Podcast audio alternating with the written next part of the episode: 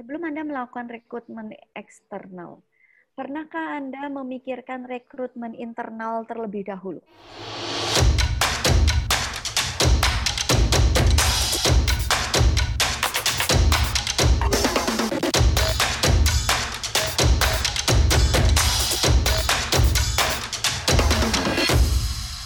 Halo teman-teman and welcome back to Curhat HRD, satu platform di mana teman-teman bisa curhat apa pun seputar HRD.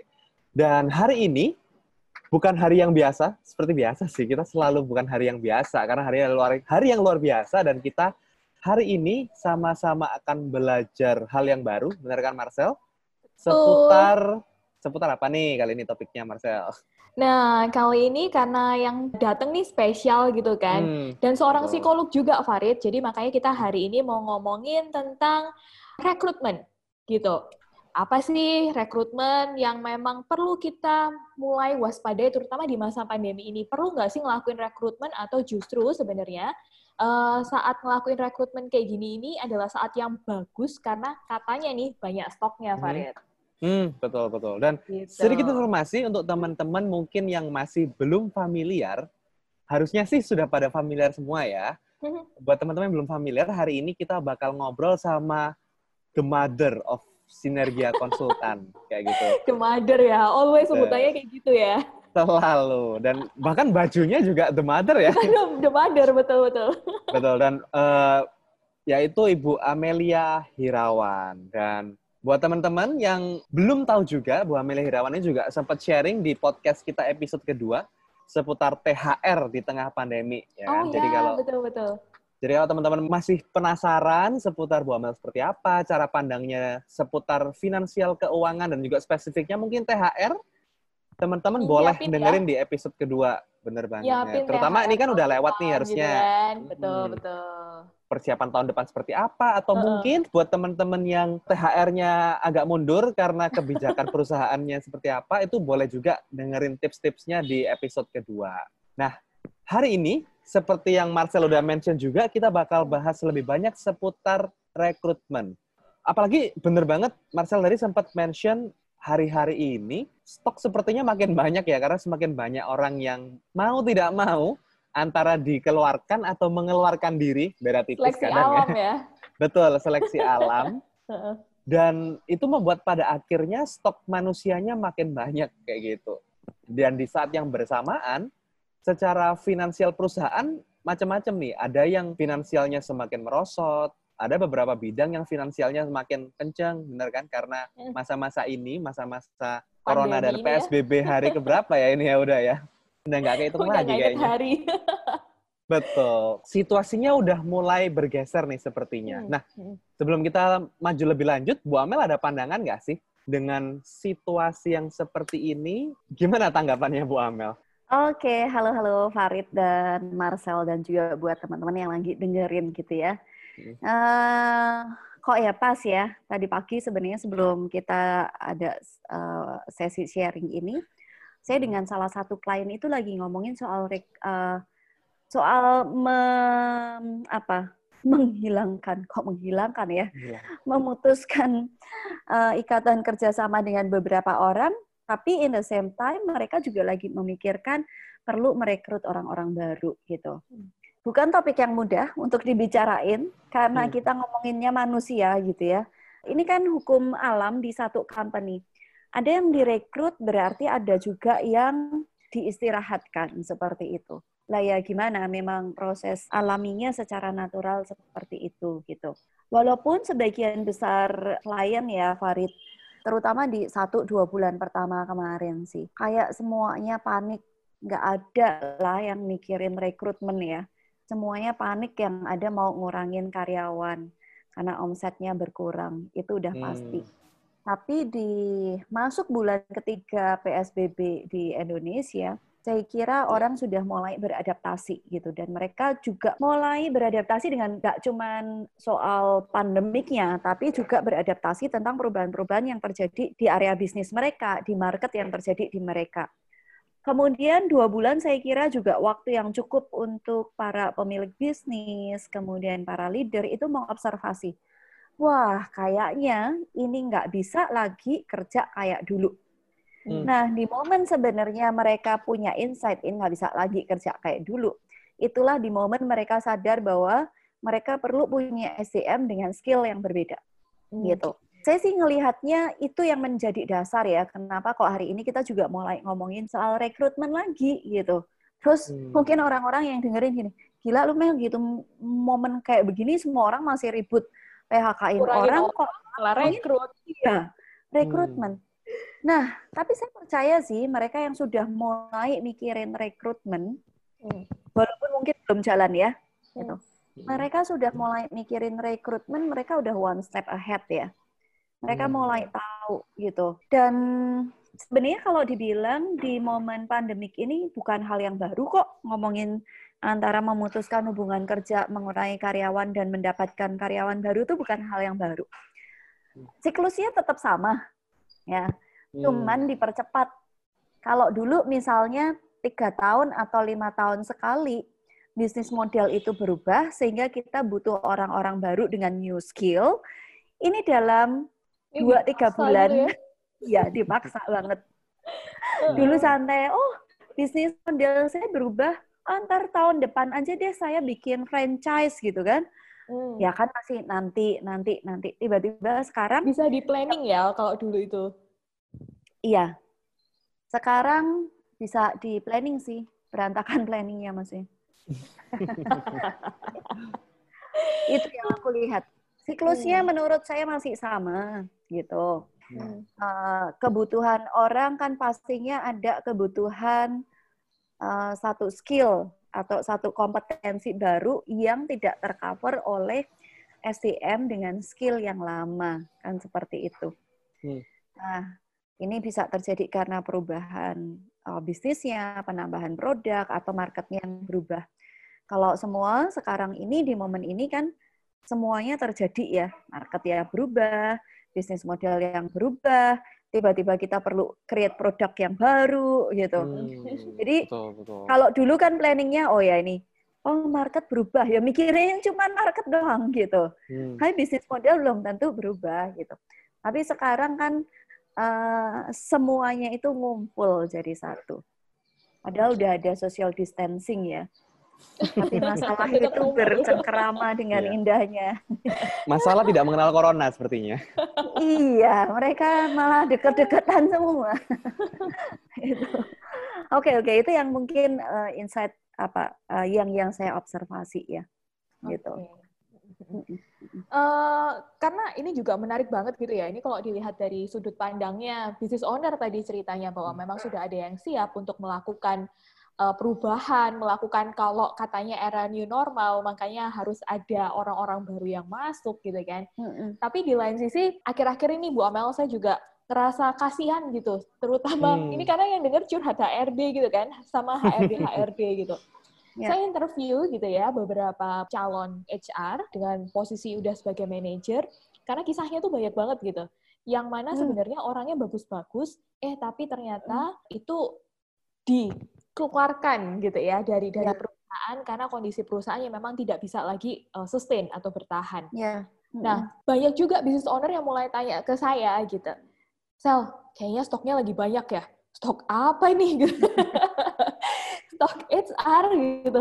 Oh, iya mungkin gitu. Tapi kan tidak semua HR finally juga bisa beradaptasi dengan kondisi uh, seperti saat ini gitu. Karena beda banget gitu. Mana yang dulunya kita ngantor misalnya, terus kita harus work from home. Pasti ada kebijakan-kebijakan baru yang mereka belum pernah ada dalam kondisi seperti ini.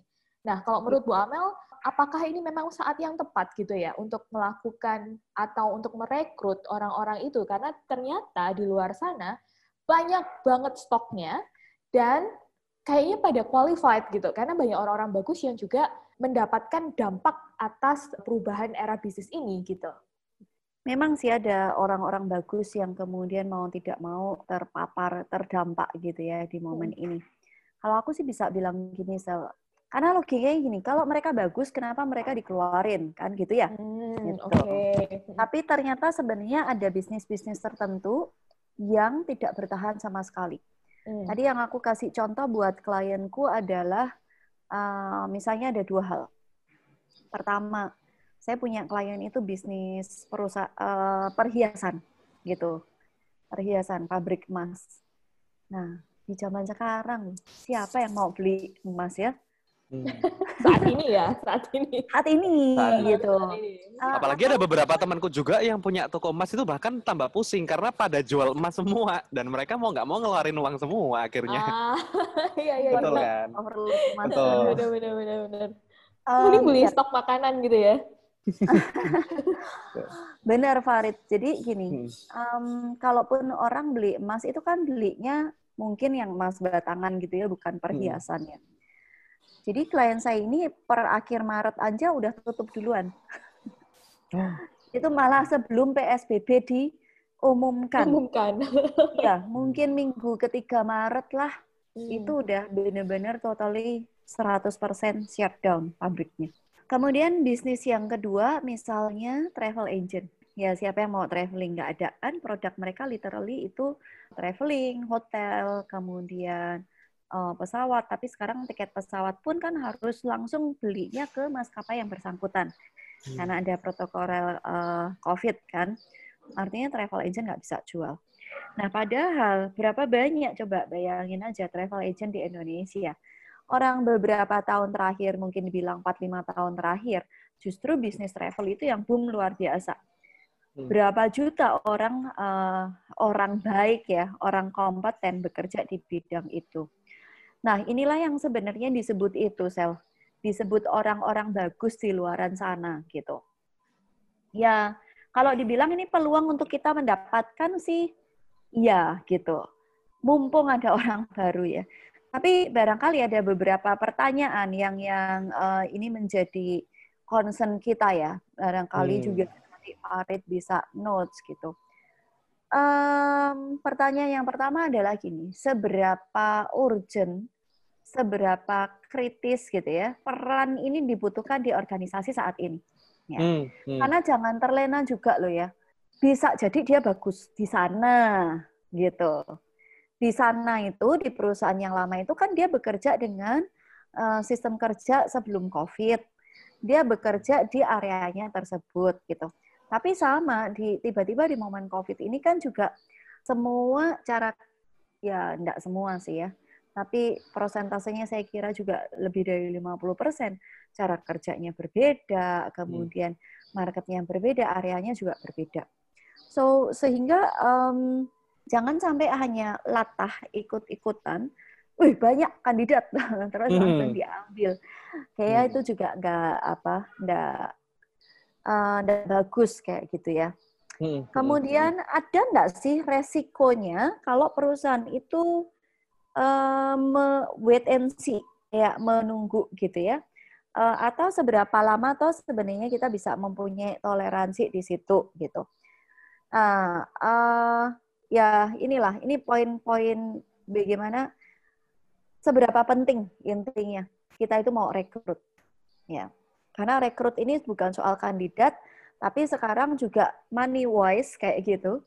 Hmm. Um, anda perlu memperhitungkan juga cash flow karena tidak ada tidak ada yang tahu ini berakhir sampai kapan gitu. Ya, hmm. jangan-jangan nanti hire orang malah bikin dia sakit hati kedua kalinya gitu. Anda juga wasting money uh, itu isunya ya. Hmm. Uh, poin berikutnya adalah jadi tadi poin pertama ya, seberapa seberapa penting perusahaan okay. butuh hmm. role tersebut gitu hmm. ya. Kemudian poin yang kedua adalah uh, apa sih resiko atau resiko yang muncul kalau perusahaan itu meng-hire ataupun tidak meng-hire. Kalaupun meng-hire uh, berarti terkaitnya sama cash flow, kalau misalnya dia nggak hire, artinya itu juga um, bisa jadi peluang kita kehilangan uh, kandidat juga gitu ya. Hmm. Tapi kalau saya nggak terlalu khawatir ya, karena banyak banget kalau di Indonesia kandidat itu. Hmm. Nah, poin yang ketiga itu, sebelum Anda melakukan rekrutmen eksternal, ya, karena tadi balik lagi saya tekankan sekali lagi, bisa jadi mereka bagus, tapi kondisi mereka bagus ini adalah bagus sebelum COVID yang mana pada saat COVID ini cara kerja juga berubah semua. Ya, jadi yang dulu bagus belum tentu itu 100% juga bagus.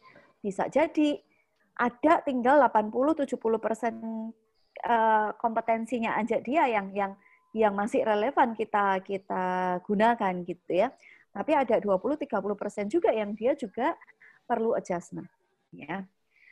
Nah, eh, pertimbangan berikutnya adalah hmm, sebelum Anda melakukan rekrutmen eksternal, pernahkah Anda memikirkan rekrutmen internal terlebih dahulu? Ya. Artinya orang-orang yang ke, belum tentu dia punya skill seperti yang Anda butuhkan. Tapi hmm. kalau di momen ini saya kalau melihat gini, siapa yang adaptif? Hmm. Siapa yang adaptif, yang belajarnya cepat? Ya. Karena dengan melakukan internal recruitment, kita itu lagi menyelamatkan orang yang dulu dari dulu udah jadi family-nya kita di dalam perusahaan. Ya. Dan ini juga sebenarnya kita bicara tentang jenjang karir loh.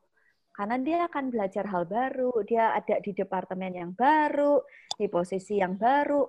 Memang perlu ada uh, investasi untuk ngajarin dia untuk hmm. belajar ya tapi ya menurutku sama aja sih dari luar juga kalau masuk dia juga perlu belajar gitu. Hmm. Uh, hanya ketika anda melakukan internal recruitment orang yang adaptif lah yang sebenarnya anda perlu lihat. Atau kalau sekarang kita sering bilang agile gitu ya, siapa hmm. sih tim kita yang agile gitu. Kayaknya kalau misalnya saya kepepet gitu ya, terus saya suruh uh, ngepel-ngepel gitu ya masih bisa lah ya. saya suruh jualan gitu, jualan hmm. apa kayak jualan jualan makanan kan sekarang banyak banget tuh jualan makanan. Hmm. Loh ya kalau kepepet ya uh, saya yakin saya bisa gitu. Nah, kita hmm. perlu punya orang-orang yang kayak gini yang kalau diberikan tugas baru uh, bukan cuman komplain tapi kemudian oke, okay, saya bisa tapi saya nggak tahu gimana caranya. Boleh nggak saya diajarin? Wah, hmm. itu hmm. peluang loh teman-teman. Hmm. Ya. Hmm. Dan at least Anda sudah kenal karakternya. Ya. Nah itu juga uh, saya kira bisa jadi consideration untuk melakukan internal recruitment.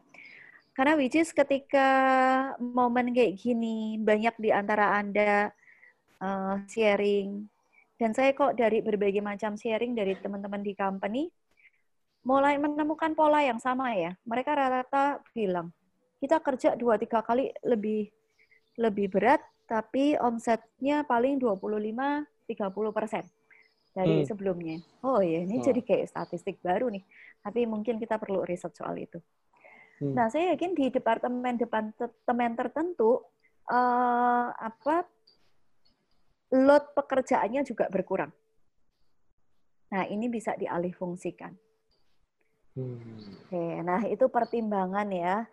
Uh, plus minusnya kalau melakukan rekrutmen di momen saat ini. Pahami benar-benar bahwa rekrutmen itu tidak hanya eksternal, tapi juga bisa internal. Gitu. Hmm. Tapi apakah itu berarti untuk melakukan, katakanlah bisa dibilang termasuk kategori restrukturisasi ya? Baik gimana timnya mulai dirombak, baik secara fungsi hmm. dan lain sebagainya, atau mungkin pihak eksternal juga dimasukin. Nah, pertanyaannya adalah Betul. apakah sebenarnya kita perlu untuk bisa menemukan bisnis model yang baru terlebih dahulu atau bikin mungkin ekstrimnya bikin visi misi yang baru dan lain sebagainya untuk adjust itu ya karena kan dengan iya. model bisnis yang berubah bisa jadi mungkin visi misi dan lain, dan lain sebagainya berubah. Apakah pada akhirnya titiknya akan jadi se ekstrim ke arah itu atau sebenarnya nggak perlu? Yang penting cari orang yang hmm. adaptif tadi udah cukup, nggak perlu sampai yang se ekstrim itu. Hmm, bisa dua-duanya ya, kalau menurut hmm. saya ya. Hmm. Um, tapi saya percaya bahwa yang namanya visi itu tidak tidak semudah itu berubah hanya dalam waktu mungkin kurang dari satu tahun gitu. Hmm. Karena visi itu adalah satu mercusuar kayaknya ada badai topan di lautan juga mercusuarnya tetap berdiri tetap tegak sama, gitu sama ya hmm. tetap sama gitu hmm. kalaupun dia runtuh fondasinya juga masih di situ hmm. hmm. ya gitu kalaupun gempa bumi, aku yakin masih ada puing-puing yang ada di situ juga gitu. Masih hmm. ada yang tersisa gitu.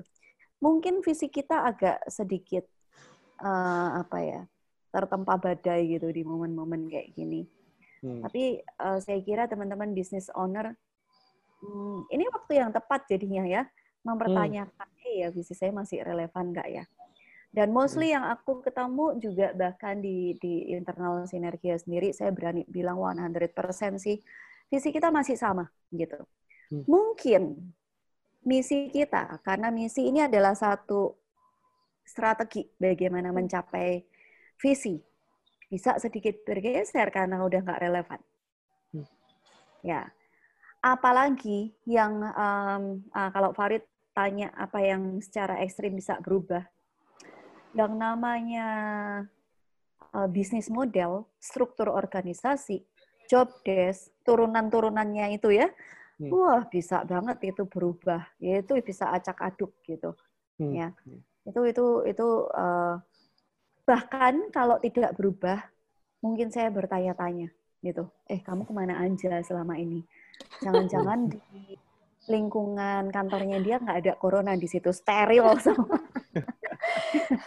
eh, tapi ini seru bu gitu kan maksudnya ini jadi uh, apa agak menyentil sama teman-teman HR gitu ya yang sangat membangga-banggakan job desk SOP dan segala macam nah hmm. yang juga ya. sering melupakan yang namanya uh, job desk SOP itu harus terus direview bahkan setiap tahun gitu kan momen kayak gini udah apa namanya masih melihat job desk SOP masih jadi panduan utama itu kayak sesuatu yang ayo pikirin ulang sebenarnya gitu nggak sih? Hmm. hmm. Kukira guidance itu kok tetap perlu ya, karena bagaimanapun kita hidup bersama dalam satu organisasi. Pembagian tugas itu tetap tetap penting. Hmm. Apalagi ketika di luar uh, momennya hmm. acak aduk kayak gitu, situasinya nggak jelas kalau di dalam kita makin tidak punya satu kejelasan, wah tambah tambah apa ya, ya, tambah kacau balau gitu. Uh, yang kita perlu sadari adalah gini, ke satu keterbukaan, uh, Marcel ngelihat satu, uh, ya ya saya bilangnya keterbukaan ya gini. Artinya saya dapat, ah balik lagi ya, dapat dengan mudah menyesuaikan. Karena semuanya jadi kayak trial mungkin di minggu pertama, eh, di bulan pertama PSBB ini berlangsung, Anda tiba-tiba udah, oke okay, ini kayaknya job desk-nya jadi berubah gini deh. Si A, si B kayak begini deh. Ya. Tapi ternyata kita merancang job desk itu mungkin dengan satu pertimbangan bahwa PSBB itu satu bulan. gitu. Hmm. Dan terus ketika PSBB kedua, PSBB ketiga, hmm. dan kemudian kita mulai gini, hmm, kayaknya ada yang nggak benar nih kalau PSBB-nya bisa sampai akhir tahun misalnya, ya siapa tahu loh gitu. Hmm. Wah kalau kayak gitu apa yang saya rancang di bulan pertama kita ngalamin PSBB jadi tidak relevan ya, dan kita masih adjustment lagi. Ya. Hmm. Atau misalnya kalau saya bisa kasih contoh ya sederhana gini, klien saya nih bisnis restoran. Ya. Oh cepat banget itu hmm. di minggu kedua, minggu ketiga uh, COVID mulai menyebar, mereka udah langsung, eh frozen food ya, gitu. Akhirnya sibuk dalam dua minggu nyiapin frozen hmm. food. Ya. Nah, ini kan sebenarnya udah kayak SOP baru, ini job desk baru kan. Dulu biasanya masak di resto, jadi masak frozen food. Itu hmm. job desk loh. Ya. Hmm. Tiba-tiba, ini kenapa restoran se-Surabaya punya frozen food semua ya? kenapa hotel-hotel pun juga ngeluarin frozen food. juga punya frozen hmm, food ya? Betul, betul. Lah apa nggak berubah lagi coba job desk-nya? ya. Mungkin mereka juga nggak tahu mau dibikin apa lagi. Nah, inilah perubahan-perubahan dari luar yang kita juga nggak tahu. Ya. Hmm. So, job desk dan SOP akhirnya mengalami penyesuaian lagi, penyesuaian lagi, penyesuaian lagi dari bulan ke bulan yang kita uh, kita alami ini ya gitu hmm. ya nggak apa-apa juga sih itu keterbukaan itulah keterbukaan, kemauan menerima satu realita, hmm. ya, ke apa uh, kemampuan untuk beradaptasi itu jadi penting. Oke. Okay. Ya. Oh ya, aku kepingin balik lagi ke soal rekrutmen hmm. tadi ya. Ada hmm. satu poin yang saya kepingin tambahkan nih, barangkali hmm. bermanfaat. Boleh. Hmm. Oke. Nah, masalahnya juga kalau kita melihat ada banyak kandidat yang bagus di luar sana, hmm. sedangkan di internal ini kita masih tarik ulur, iya beneran butuh atau enggak, dengan berbagai macam pertimbangan yang tadi juga saya sampaikan, uh, kan pasti ada kekhawatiran nanti kalau hilang gimana? Aduh, mumpung hmm, betul betul. Ya. Uh, teman-teman di momen COVID ini bahkan kemarin saya juga baca dari beberapa apa ya beberapa artikel kayak Harvard Business Review kemudian juga Forbes gitu oh, gimana sih bacanya? Forbes apa? Forbes. Ya tahu lah ya gitu. Lah ya gitu. Terus dengan sama beberapa uh, sumber gitu. Uh, pola kerja itulah ya sekarang berubah-ubah ya hmm. gitu. Walaupun saya tahu tidak semuanya jadi relevan dengan undang-undang ketenaga kerjaan. Hmm. tapi ini dunia realita yang uh, supply dan demand. Ada yang butuh ada yang membutuhkan ya Hmm. Uh, kalau Anda masih ragu, Bapak Ibu, sekarang itu beberapa company meng-hire beberapa profesional itu juga by project. Hmm. Oh, oke. Okay. ya. Caranya ya. Iya, caranya. Ini jembatan. Kita bisa hmm. bilang sama kandidat gini, terus terang saya kok belum berani juga ya. Hmm. Uh, karena di momen seperti ini nih saya masih mengamati bisnis bisnis itu bukannya naik turun tapi turun turun turun gitu kan. Nah, tapi saya tertarik sama kompetensi Anda. Saya hmm. tertarik sama skill Anda. Bolehkah kita bekerja satu proyek dulu? Karena sebenarnya di Undang-Undang Ketenaga Kerjaan juga menerapkan ada beberapa pasal yang berbicara tentang meng-hire uh, karyawan itu by project. Ya. Jadi misalnya tiga bulan, tapi jobnya jelas. Oh misalnya, oke, okay, Anda di hire untuk membenahi struktur skala upah, gitu ya. Atau Anda, karena Anda chef di hotel, eh hotelnya tutup, maka Anda di hire untuk dikontrak untuk menemukan 10 resep baru, misalnya. Jelas hmm. kan? Nah itu by project. Anda boleh hire dulu sementara. Sekaligus sebenarnya di masa project pendek ini, anda bisa mengukur itu masa rekrutmen. Anda bisa mengukur cocok nggak ya aku komunikasinya.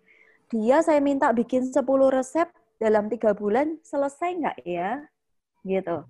Terus saya cocok nggak ya, gitu. Eh dia terkoneksi lebih dalam sama tim saya. Barangkali Bapak Ibu, uh, buat teman-teman yang dengerin, dua tiga bulan lagi kondisi perusahaan Anda udah beda banget dan di momen itu Anda lebih bisa mengambil satu keputusan untuk jangka panjang. Dan saya kira uh, untuk mereka, untuk teman-teman profesional di luar sana, mereka tidak akan keberatan sejauh uh, kesepakatan proyeknya itu jelas hmm. ya. Okay. Mereka juga dihargai sesuai dengan uh, kompetensi uh, uh, apa job expectation yang mereka dapatkan dari kita Kemudian barangkali kita juga bisa ngomongin, oke okay, Pak, ini juga masa penjajakan, barangkali nanti tiga bulan ke depan kita bisa mereview, dan kita hmm. bisa punya hubungan kerjasama yang berbeda lagi. Ya. Hmm. Toh karena sekarang juga uh, beberapa bisnis, ada beberapa area juga itu work from home gitu. Jadi apa hmm. bedanya? Nah, saya kira ini jalan tengah ya untuk Anda juga engage dengan kandidat yang menurut Anda bagus dan memberikan dia bagian dari proyek-proyek tertentu itu adalah baik cara kita untuk menjaga relasi biar dia tidak ke mana-mana. Dia juga ngukur as a profesional, mereka juga ngukur kita kok manajemen gimana. Nanti hmm. kalau mereka happy sama cara kerja manajemen, mereka juga bisa lanjut. Karena juga tidak gampang loh cari uh, buat teman-teman profesional nggak gampang juga cari pekerjaan di momen ini. Hmm. Jadi aku kira kalau ada perusahaan, misalnya ada Anda profesional yang Anda dengerin uh, podcast ini, Anda juga um, apa ya? Aku kira perlu mempertimbangkan, nggak apa juga mau cari kerjaan di mana juga sekarang. Hmm. Sebenarnya ini mencoba untuk mengadaptasi ini ya. Sebelum-sebelumnya kan sebenarnya ada sistem masa pencobaan dulu tiga bulan dikasih PKWT dulu kan berarti berarti sebenarnya ya. konsep yang bisa diterapin banget untuk masa PSBB ya memang. Saya kira seperti itu. Ya. Hmm, hmm. Apa boleh buat Farid? Aku juga baru kali ini ngalamin PSBB gitu ya. kalau Semua baru saya pertama punya, kali juga. Ya. kalau aku pun punya kontrak by project sama orang yang saya hire, uh, barangkali tiga empat bulan lagi saya baru bisa kasih jawaban hasilnya kayak apa. hmm, hmm, hmm.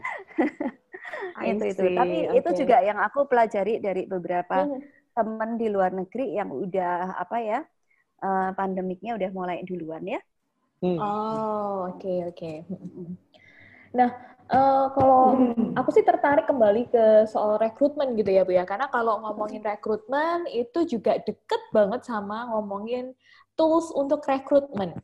Yang hmm. biasanya kalau ngomongin di perusahaan tools rekrutmen itu jadi uh, ada yang cuman interview sekali selesai langsung masuk gitu kan ada yang nggak hmm. pakai interview tiba-tiba masuk ada juga yang memang harus melalui proses yang lebih panjang hmm. tadi harus ng eh, ngelakuin tes dulu tesnya juga banyak gitu ya terus interview hmm. lagi interview user lagi dan seterusnya hmm. nah maka di momen seperti ini gitu apakah ada hal yang lebih strategik atau ada hal yang memang lebih uh, apa ya yang lebih bisa membantu proses ini karena uh, saya rasa bisnisnya berkembang dengan sangat cepat kan? Gitu. Yeah. kalau mau nunggu uh, pakai proses rekrutmen yang biasanya bisa jadi butuh waktu yang lebih panjang. Tapi Sama. masukin orang juga kita was-was. Ini orang asal usulnya bagaimana karakternya hmm. kayak apa ini kan jadi dilematis gitu. Kalau menurut ibu gimana nih? Um, saya kira di momen kayak begini juga atau bukan momen kayak gini aja ya di beberapa tahun terakhir pada saat semuanya udah digitalize uh, proses rekrutmen kita jadi lebih lebih mudah dan lebih cepat ya. Hmm. karena misalnya semacam psikotes ada banyak sekali sebenarnya platform-platform uh, psikotes online yang yang akurat ya yang tepat akurat yang kita bisa gunakan ya. Itu yang pertama. Kemudian juga dulu itu kan kalau manggil orang apalagi misalnya di level manager rasa-rasanya tuh harus ketemu gitu ya. Nek ya, gak ya, ketemu ya. gak mantep gitu. Gak mantep bener. Iya. nah sekarang bisa lewat zoom gitu. Hmm. jadi misalnya oke okay, kita sibuk udah kasihin aja tes online. Toh dia ngerjain juga dari rumahnya gitu ya. Habis itu kita interview juga lewat zoom uh, itu pasti sudah memotong waktu Kemudian yang kedua yang Marsal tanya, apakah ada metode yang yang membuat kita melihat itu lebih jelas ya. Belakangan saya sangat suka dengan namanya case study sebetulnya sel. Ya. Hmm. Saya juga membantu beberapa klien saya membuat bank apa? bank tools gitu. Bank hmm. tools kumpulan case study ya. Karena uh, menurut aku itu real. Kompetensinya tuh real. Tinggal case study-nya ini memang harus dibikin sesuai dengan uh, kondisi perusahaan masing-masing. Produknya apa? Kalau produknya misalnya restoran atau uh, kami juga pernah bikin itu perkebunan sawit gitu ya. Sehingga harus real. Uh, misalnya dia mau di hire jadi um, apa mandornya para petani gitu ya. Dia harus hmm. tahu misalnya gini, eh ini loh ada sekian hektar lahan, ini area area tertanami, ini area siap panen, ini area baru pembibitan gitu. Coba kamu hitung dengan luasan area kayak gini dan dengan karakter tanamannya kita butuh berapa orang sih kita gitu. Nah, ini kan sudah real pada kompetensi tuh. Hmm. Dan ini tidak didapat dari psikotes.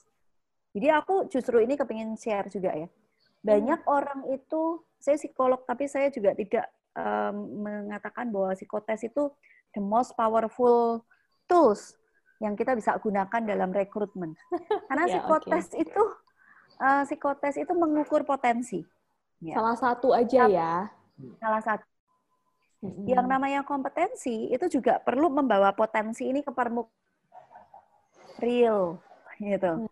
Nah, case tadi kemudian pada saat kita meminta dia presentasi itu adalah momen di mana kita melihat dia kompeten Ya. Itu metode yang yang sebenarnya teman-teman uh, bisa siapkan ya. Um, itu cepat banget justru kalau saya ngelihat uh, case tadi dia ngakunya sudah jadi HRD 10 tahun. Kan gitu ya.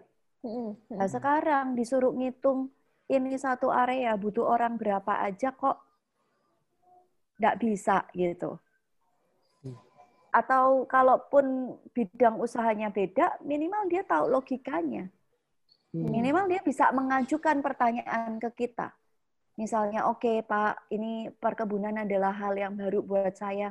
Kalau boleh saya tahu ya, uh, panen satu pohon sawit ini nih butuh waktu berapa menit atau bahkan butuh waktu berapa jam. Hmm. Karena dari situ saya akan bisa memperkirakan, loh pertanyaannya dia berkualitas apa enggak aja kita bisa ngukur. hmm, okay. Kalau bahkan dia enggak tahu apa yang dia perlu tanyakan ke kita ya, uh, dia punya dasar apa gitu. Oh ya ya ya ya ya ya. ya. Mungkin ini hmm. nanti kita jawab juga ya. banyak bahas terjawab terjawab gitu. Mungkin kita juga akan banyak bahas di episode berikutnya ya Farid ngomongin soal interview betul. ya. Betul betul ah, betul. Oke. Okay. Karena ini kan jadi satu topik tersendiri yang butuh waktu sendiri ya karena kan ini berarti kita gimana kita bisa mengasah pertanyaan yang tajam ke orang itu, gimana kita bisa menilai bagaimana hmm. orang itu, nggak cuma hmm. sebatas kalimat jawabannya apa, tapi banyak hal yang bisa digali dari jawaban-jawabannya si orang yang kita wawancara interview ini. itu ya, interview si kandidat itu, gitu, betul, betul. betul. Nah, um, sebenarnya ini entah kenapa aku merasa ini nggak kerasa udah 30 menit sih sebenarnya. Jadi tiba-tiba udah 30 menit aja. Mungkin uh, pertanyaan terakhir deh untuk Bu Amel. Uh, ya. Menyongsong setelah ini kita akan memasuki pasca PSBB, masa-masa new normal, bener kan? Itu hmm. berarti kan sebenarnya uh, pasti banyak hal yang perlu diadaptasikan. Baik secara hmm. dari yang paling atas banget, gimana kita bisa mungkin punya bisnis model yang baru, strategi yang baru. Turunannya adalah gimana kita perlu punya tim yang lebih tangkas dengan berbagai strategi-strategi job desk, atau mungkin orang-orang baru yes. yang masuk.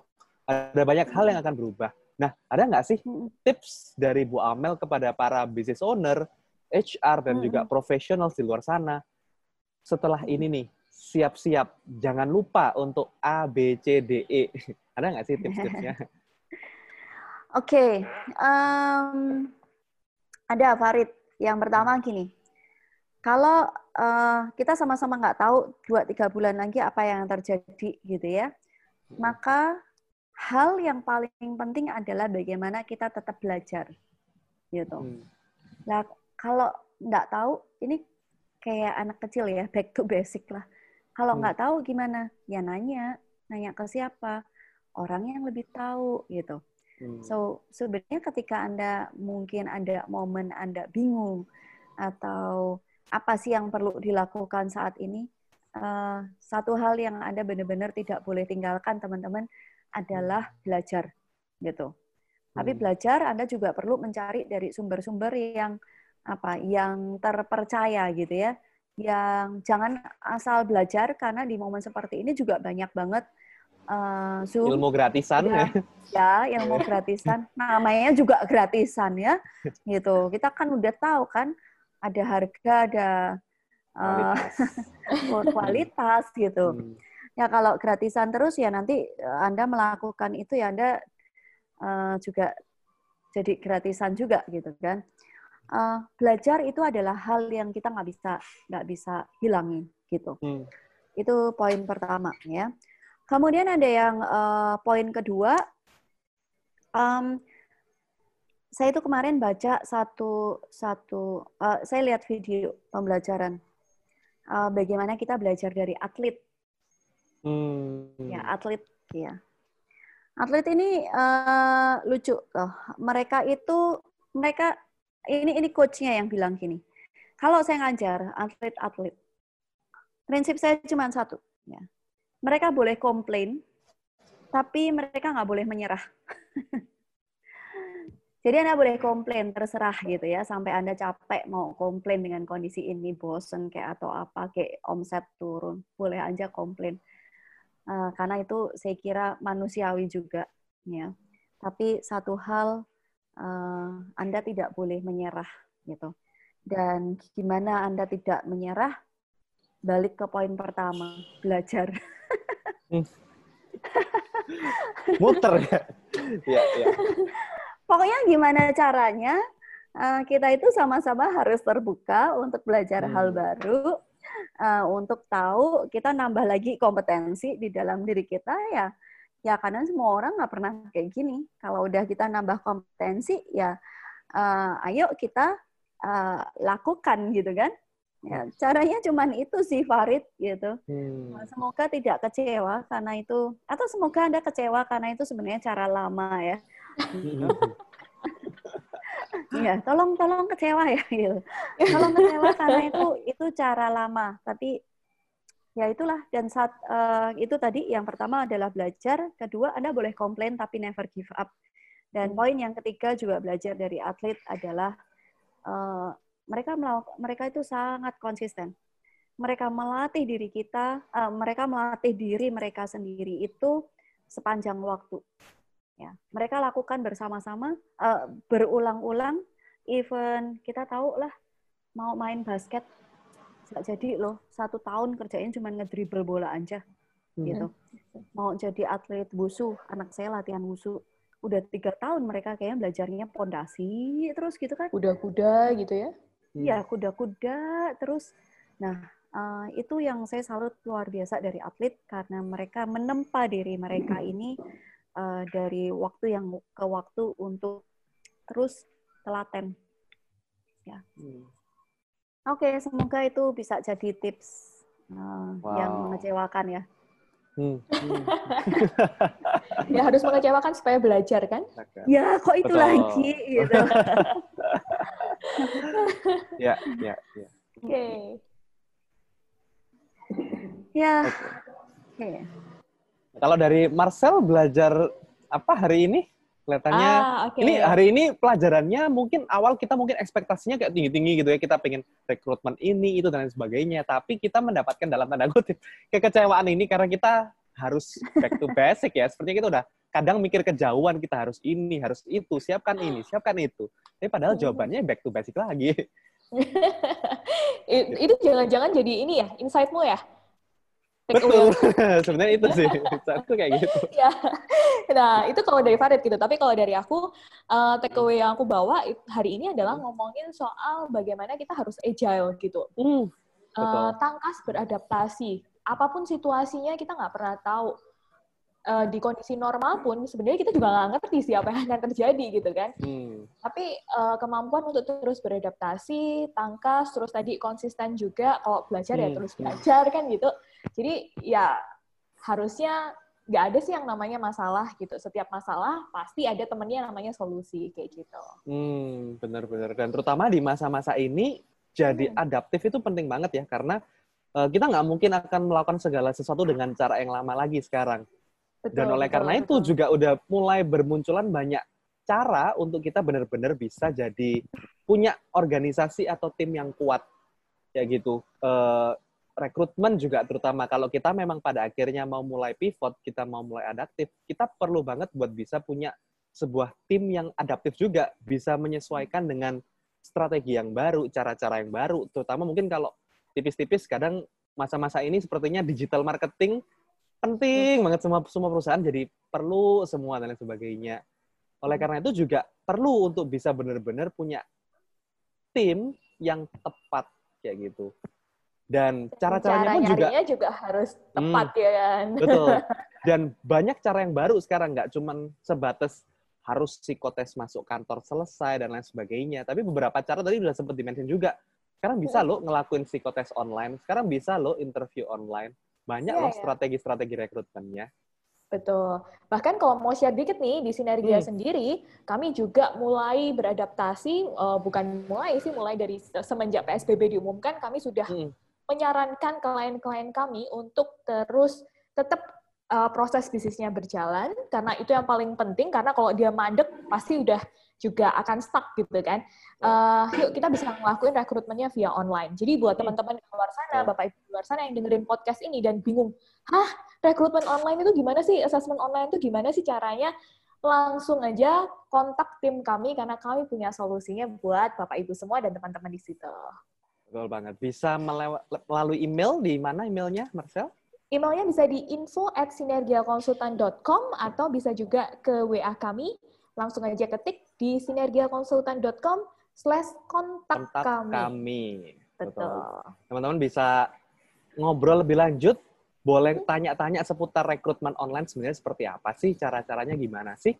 Atau as simple as kalau teman-teman memang punya curhatan-curhatan HRD, boleh banget kontak ke kami. Karena sebenarnya topik hari ini itu kita angkat dari berbagai curhatan-curhatan dari banyak teman-teman, benar nggak sih? Ya, ya sudah masuk ke kami gitu kan. Kita Betul. tinggal kolek aja curhatannya apa, akan kita bahas untuk uh, podcast kita di episode episode berikutnya. Dan siapa tahu juga podcast ini kalau memang berguna untuk teman-teman, kami mengajak teman-teman untuk boleh share ke teman-temannya, teman-teman HR, bosnya mungkin bisnis ownernya. Uh, atau bosnya kirim ke timnya gitu ya. Hmm, dan juga kalau teman-teman share ke sosial media di Instagram jangan lupa ke, untuk tag kita di @sinergia underscore konsultan Oke, sepertinya itu aja mungkin uh, dari kami. Thank you buat teman-teman yang udah dengerin sampai akhir. Sekali lagi jangan lupa untuk like dan jangan lupa untuk share bagikan ilmu ini ke teman-teman karena bisa jadi ini jadi salah satu solusi untuk beradaptasi di new normal kali ini. Dan pantengin terus untuk episode-episode berikutnya karena tadi udah sempat dimention sama Marcel juga episode berikutnya kita bakal mendalami salah satu topik obrolan yang udah dibahas hari ini yaitu seputar interview online, benar ya? Betul, interview so, online. So, Kali ini kita juga didampingi Farid tambahan gitu hmm. gitu ya uh, sama uh, tim dari Sinergia Konsultan, psikolog hmm. juga, uh, dan juga um, expert ya Bu Amel ya, expert dari Points of View Indonesia. Jadi uh, teman-teman akan belajar dari orang yang sangat tepat yaitu Ibu Mariati Budira Harja. Hmm, dan kalau teman-teman nggak paham, hah Points of View Indonesia itu apaan? Sebelum dengerin podcastnya, boleh kepoin dulu Instagramnya di Points iya, of betul. View Indonesia, benar kan ya? Betul. Itu. Oke, okay, so we guess that's all. Thank you buat teman-teman and see you on our next episode of Curhat HRD. Thank you and always, as always, keep your energy to sale. Bye-bye. Bye.